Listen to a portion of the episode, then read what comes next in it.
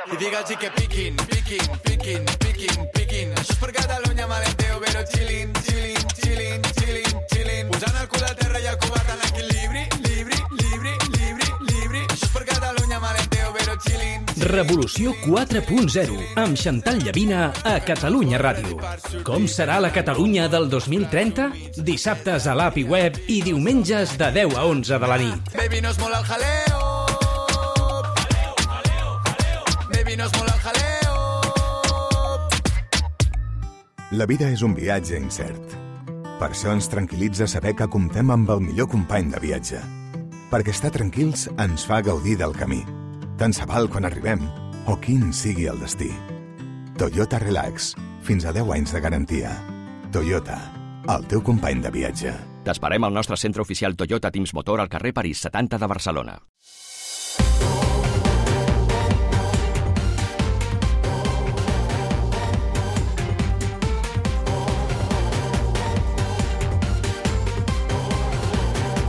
Masterclass Becerra amb Santiago Niño Becerra. És el moment d'obrir el micròfon a l'home més realista del panorama econòmic, amb Santiago Niño Becerra. Com estàs? Molt bona nit. Què tal? Bona nit, bona nit. Vinga, va, posem-nos-hi.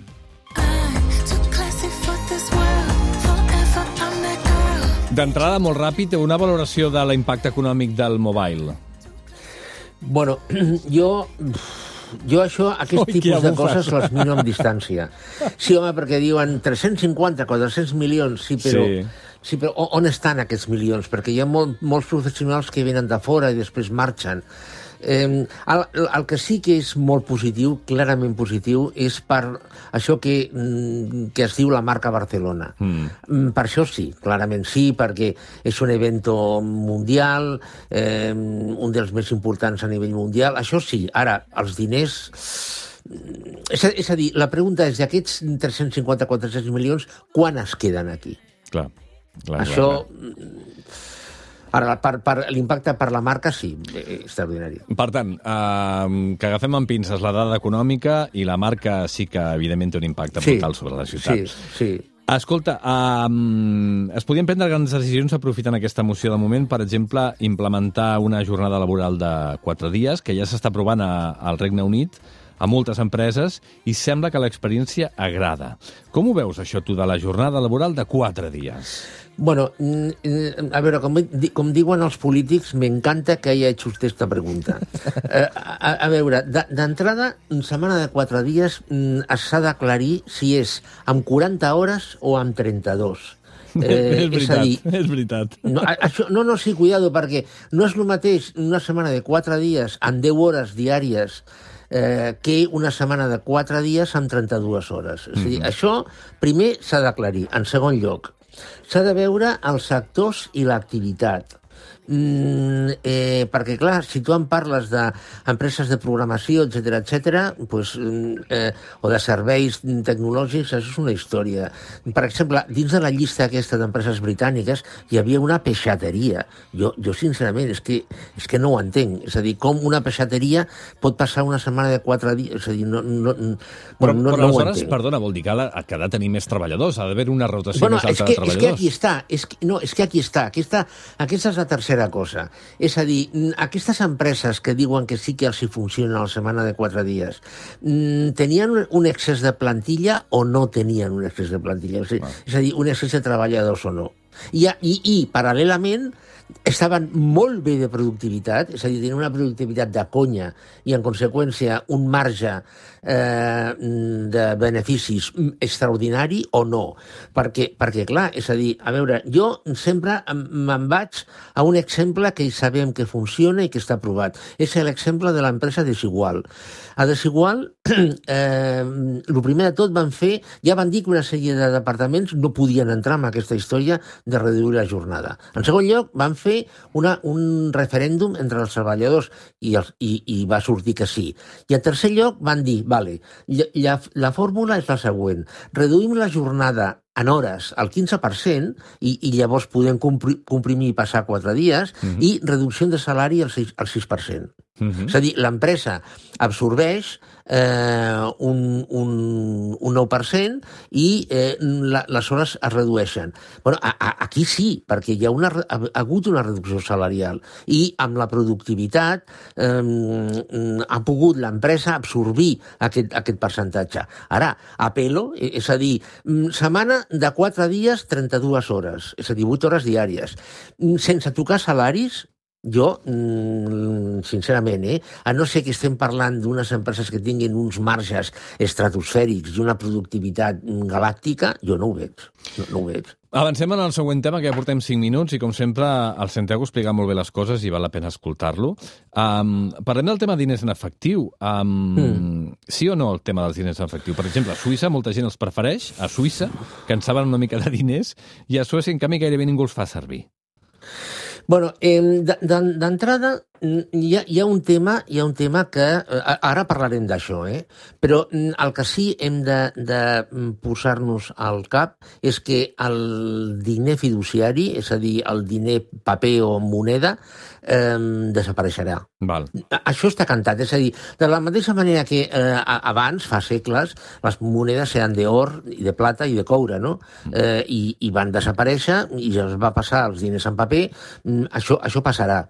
Eh, no estic parlant ja de les targes de crèdit eh, o, targes de dèbit, això és una altra història. No, estic parlant del euro digital, que ja el Banc Central Europeu eh, ho té molt, molt, est- està treballant moltíssim amb aquest tema, o del yuan digital. Mhm. Perdona? Que n'hem parlat molt al programa amb l'Alexa Eif, precisament. Sí, i, de, i de, o del yuan digital que ja està en marxa. Mm -hmm. És a dir, estem, par estem parlant d'això, del diner digital.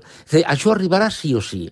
Mm, Té, la gran avant té dues avantatges tremendes. En primer lloc, que els pagaments en negre desapareixen eh, totalment, i en, tercer, i en segon lloc, que és totalment traçable. És a dir, eh, tu pots, un, un, un, un euro digital, pots saber mm, tot la, el camí que ha, sur- que, ha, bueno, que ha fet des de que va ser eh, creat. Quin és el problema que té? És a dir, avantatges des d'un punt de vista econòmic i fiscal, totes. Quin és el desavantatge? Que la privacitat desapareix. És a dir, amb un euro digital sabran que tu, quan acabis el programa, has anat al bar que està al- enfront, t'has pres un cafè amb llet Mhm. a les mm, 18.45 mm, i tal. Llavors, Bueno, i si és un cafè amb llet, més igual, però si m'he pres un whisky potser no m'importa tant, m'importa molt més que sàpiga, Bueno, bueno, sàpiga ja. què he begut, no? Ja, Clar, ja, clar, ja. clar. Per tant, per tant l'amenaça real la, la veus per aquí, però per tant en, en haurem d'inventar sistemes per controlar-ho, això, per mantenir no, la privacitat. No, no, no, no, No. és impossible. És a dir, és impossible perquè el, el, ser, el ser digital és, és totalment traçable. A més, això, eh, evidentment, es paral·lela amb una altra cosa, que és el bar que tu aniràs a prendre el cafè amb llet, resulta que quan acabi el dia eh, tindrà de fer un llançament a l'agència tributària de tots els tíquets que ha fet eh, i que, amb la qual hi haurà un, un, un, creuament total entre els euros digitals que ha ingressat i els, eh, bueno, els cafès amb llet, tots els productes que, que, que ha venut. És a dir, no, no. Escapar d'això és impossible. Impossible.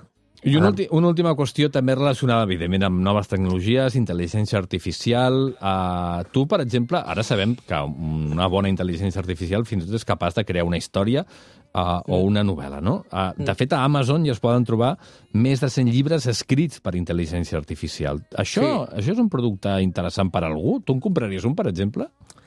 Això obre, això obre un, un horitzó que no se sap mm, quan, com pot acabar. Eh, D'entrada, mm, si Stephen King diu que ha fet eh, una novel·la o ha col·laborat o ha utilitzat un, una intel·ligència artificial per mm, acabar de construir o una, una novel·la, eh, o, és a dir, que, que s'ha apoyat amb una, amb una intel·ligència artificial, tothom dirà, bueno, doncs vale, Stephen King, a, a, veure, a veure què diu, no? A, a veure què diu. Ara, mm, si és Juan Pérez, eh, mm, és a dir, eh, algú compraria una, una, una novel·la de Juan Pérez? És a dir, i, No. i, I la història pot ser extraordinària, eh? eh? Això per una banda. En, en segon lloc, tu imagina't eh, que una persona, utilitzant una intel·ligència artificial, fa una, una novel·la. Fixa't que, que eh, eh, estem posant exemples de ficció, eh? no Sí, estem posant sí, sí. exemples de llibres científics. Eh? Això és una altra història. No? Una persona fa una novel·la extraordinària i fa una editorial, editor- i, que és el senyor Juan Pérez, i l'editorial diu, hòstia, aquesta novel·la és extraordinària, extraordinària. Ara, mm, si diem que... Bueno, podem llançar el senyor Juan Pérez, perquè com a autor hem descobert un autor que és fantàstic i tal igual, però i, i si diem que l'ha fet una intel·ligència artificial, eh, mm, la gent la comprarà igual? És a dir, mm, és a dir, te- tenim, tenim les dues vessants, és a dir, que un, un, un autor ultra reconegut com Stephen King inclús pot fer gràcia que digui que mm, ha utilitzat, ha utilitzat eh, mm. eh, una intel·ligència artificial per fer la, la seva darrera novel·la, és a dir, pot tenir gràcia, però que el senyor Juan Pérez, un autor mm, que no coneix ningú i que la història pot ser boníssima, eh, pot ser un fre mm, per la venda eh, d'aquesta novel·la si s'ha fet amb intel·ligència artificial. És a dir, estem, jo crec que en un, en un moment mm, en el que veurem molts, molts canvis en relació a això, molt, molt, moltes coses. Jo, concretament, tu m'has dit si jo compraria una novel·la. Possiblement sí. una de Stephen King sí, mm, però del Juan Pérez Juan no. Pérez no, no? I, una, I un llibre del Santiago Núñez Serra sobre economia, que no l'hagi fet ell, sinó intel·ligència artificial, ja veurem, però això és un altre tema.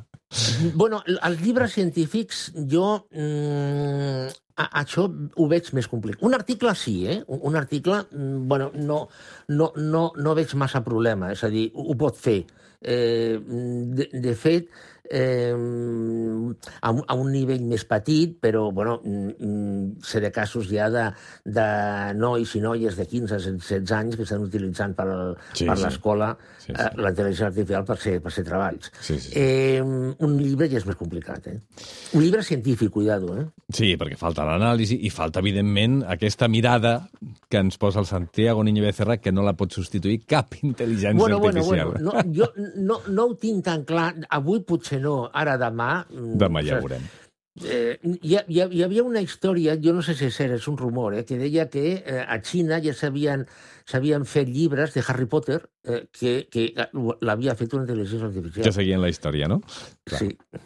Santiago, ho deixem aquí. Uh, moltíssimes gràcies. De moment parlem amb Santiago, que té una intel·ligència natural que ens interessa molt. Molt bé, gràcies. Gràcies. Adéu. Adéu, bona nit, bona nit.